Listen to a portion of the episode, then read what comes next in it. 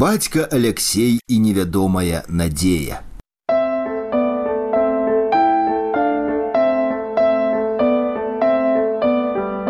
Я гэты горад знаю з даўніх дзён, дзе дрэмлюць замка гордыя руіны, дзе ўзняў густое вецце ясень клён над сном акамянелым гідыміна, дзе пад аркадамі сівых муроў праходзяць тені вулкамі вузкімі, пясняр літвы на днёманскіх палёў у вопратцы дарожнай пілігрыма і каліноўскі і мае сябры я чую голас іх у змроку шэрым, і як вялля праз пушчы і бары плыве і б'ецца ў непрыступны бераг.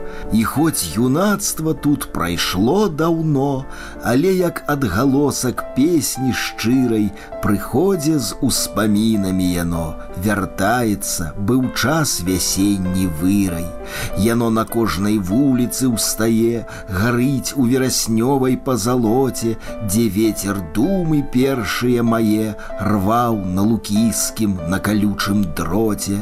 І ўсё ж люблю я гэтых вуліц гул, гараду панар, высокі золак раніц і маладосць абвітую ў тугу, якой у вочы можна смела глянуць. Я гэты горад знаю з даўніх дзён, і каб не хвойны пах бацькоўскай хаты, і каб не нарачанскай хвалі звон ля курганоў, ля сосен расахатых, хацеў бы я, каб мой апошні спеў, тут сярод гэтых незабыўных вулак дзе ўпершыню ён гулка празвінеў знайшоў спакой і вечны свой прытулак.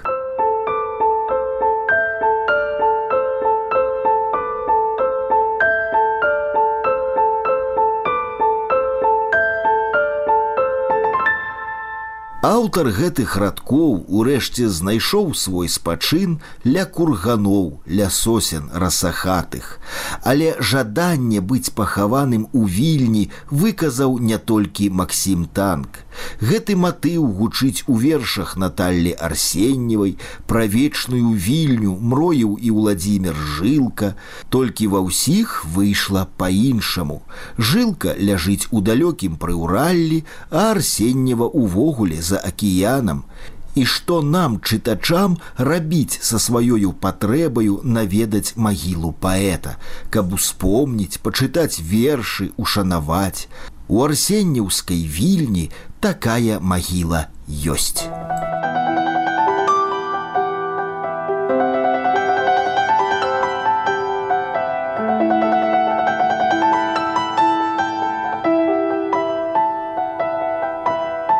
Расплёў размёў віхор пярэстых хмараў дым. Дзень адпаўзае ўзмерк вузкіх завулкаў лазам. І вее на мяне з кутоў з муроў рудых, сівым, як даўніна, даўно забытым сказам. Мне чуецца ці смех ці плач ці штось яшчэ у сімфоніі ціхой вячорных гукаў места. Лязом мяча вялля спрабуе заблішчэць, і полымя зары пяруна хорам песціць як тут люблю я ўсё. Чырвоны вулак брук і залатым пяском асыпаныя дахі. Манюся тут сваю апошнюю зару я сустракаць, адсюль пайсці адвечным шляхам.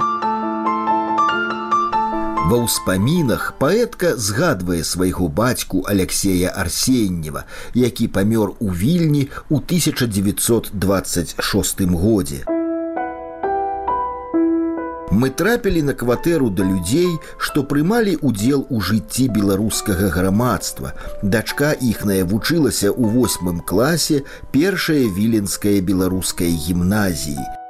Як толькі мы крыху паздаравелі, а маці перажыла першае гора па смерці мае сястры, яна пачала старацца неяк наладзіць наше жыццё.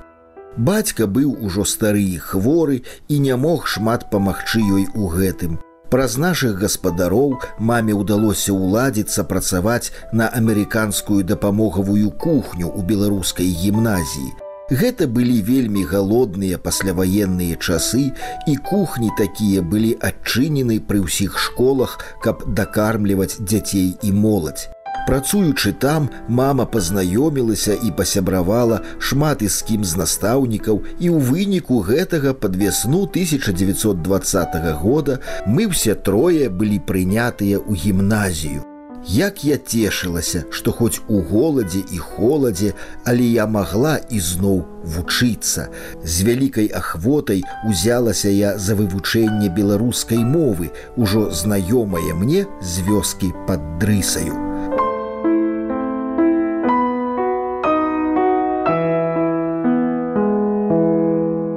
Дадам, што сям'я была праваслаўнай. Гэтых звестак мне было дастаткова, каб адправіцца на віленскую ліпоўку. Старыя праваслаўныя могілкі паміж вострай брамай і менскай шашой ліпоўскія могілкі месца калі можна так сказаць вельмі утульнае для вечнага спачыну. Узгоркі парослыя векавымі дрэвамі у нізінах акуратныя сцежкі. На самай высокай гары пануе невялікая але вельмі зграбная ратонда храм эўфрасінні полацкай. Сярод багатых чорна-мармуровых надмагілляў расейскага чынавенства і сціплых крыжоў тутэйшага люду во вока парадавалі некалькі помнікаў з беларускімі надпісамі. Рэха міжваеннай вільні але магіла арсенневых нідзе не сустракалася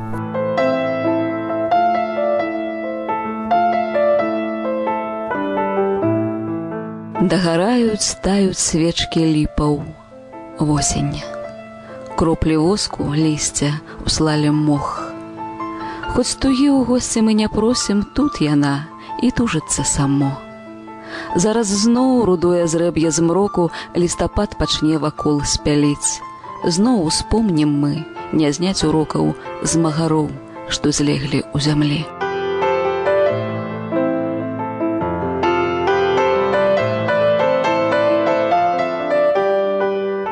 Па дапамогу я звярнуўся да настаяцеля царквы айца ўладзіміра. Святар, дарэчы, беларус з мастоў да маёй справы паставіўся паважна, адклаў свае гаспадарчыя клопаты і адшукаў кнігі з вопісам міжваенных пахаванняў.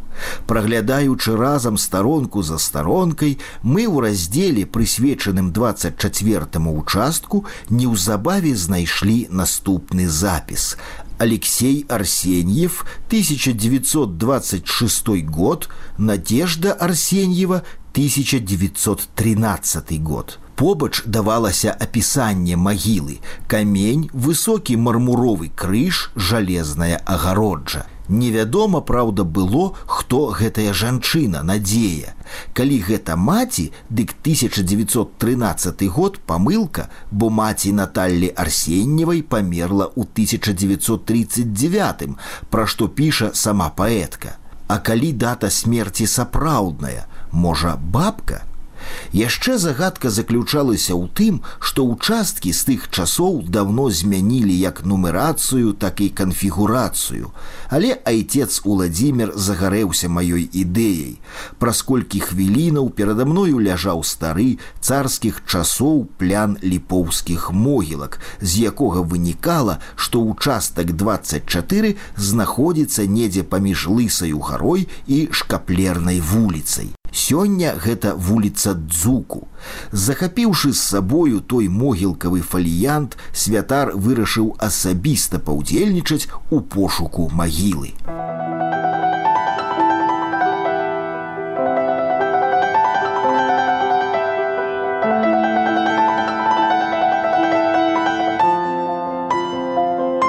Ціха восень да імшы пахавальнай паліць жоўтыя свечкі ў гаі. Усё бярозкі малыя асіны. Сіняй хваляй клубяцца туманы і прывідным пахучым кадзілам спавіваюць пажоўклыя дрэвы. Сумнай песняй няўхопнай азнанай песняй жальбай забытых магілаў леза заводзяць пануры з Недзе каля гадзіны мы з айцом уладзімерам абыходзілі той колішні 24 участак. Я прызнацца ўжо згубіў надзею, бо занадта шмат там было магілаў, пазначаных другой паловай мінулага стагоддзя.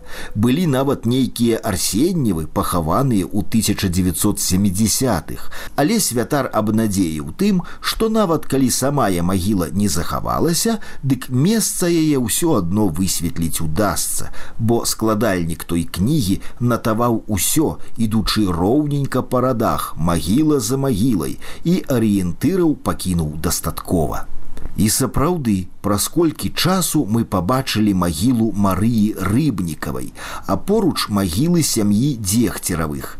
Згодна з кнігай побач мела быць агароджа арсенеўскага помніка, І вось ён, зарослый травою грудок і камень пры самай сцяжыне. На камені след ад крыжа шыльда таксама сарваная, але сумневаў у нас не было. Арсеньева, Надежда и Алексей. Год захоронения Надежда 13 год, Алексей 26 И что на этом месте захоронения? Камень плюс высокий мраморный крест, железная ограда. Ну вот. Сохранилось что? Остался сохраниться только всего лишь камень. Бачно, что крыш был. Да, важно, что крыш тут был. Место для крыжа есть. Место для таблички есть. А для крыжи таблички уже нема. И ограды нема.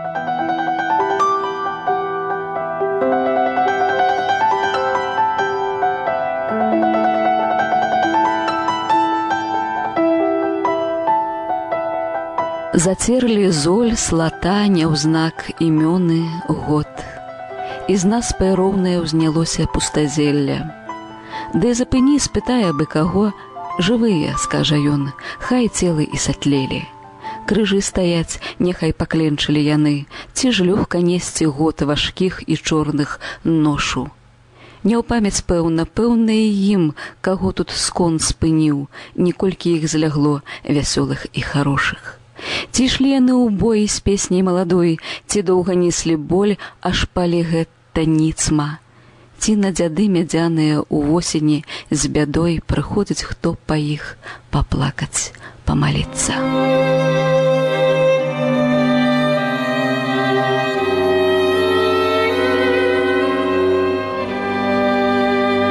Айцец Уладзімир пайшоў у сваіх справах, а я застаўся каля сямейнай магілы арсенневых, той самай, дзе павярніся гісторыя па-іншаму, магла б знайсці свой спачын і паэтка.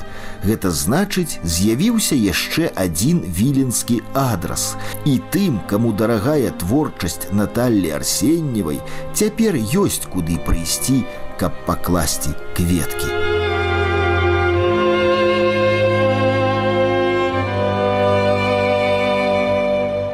Шукаючы выяву таго каменя ў сеціве, я з радасцю даведаўся, што ў лістападзе 2015 году на магіле Алексея Арсеннева адбылося адкрыццё абноўленага помніка.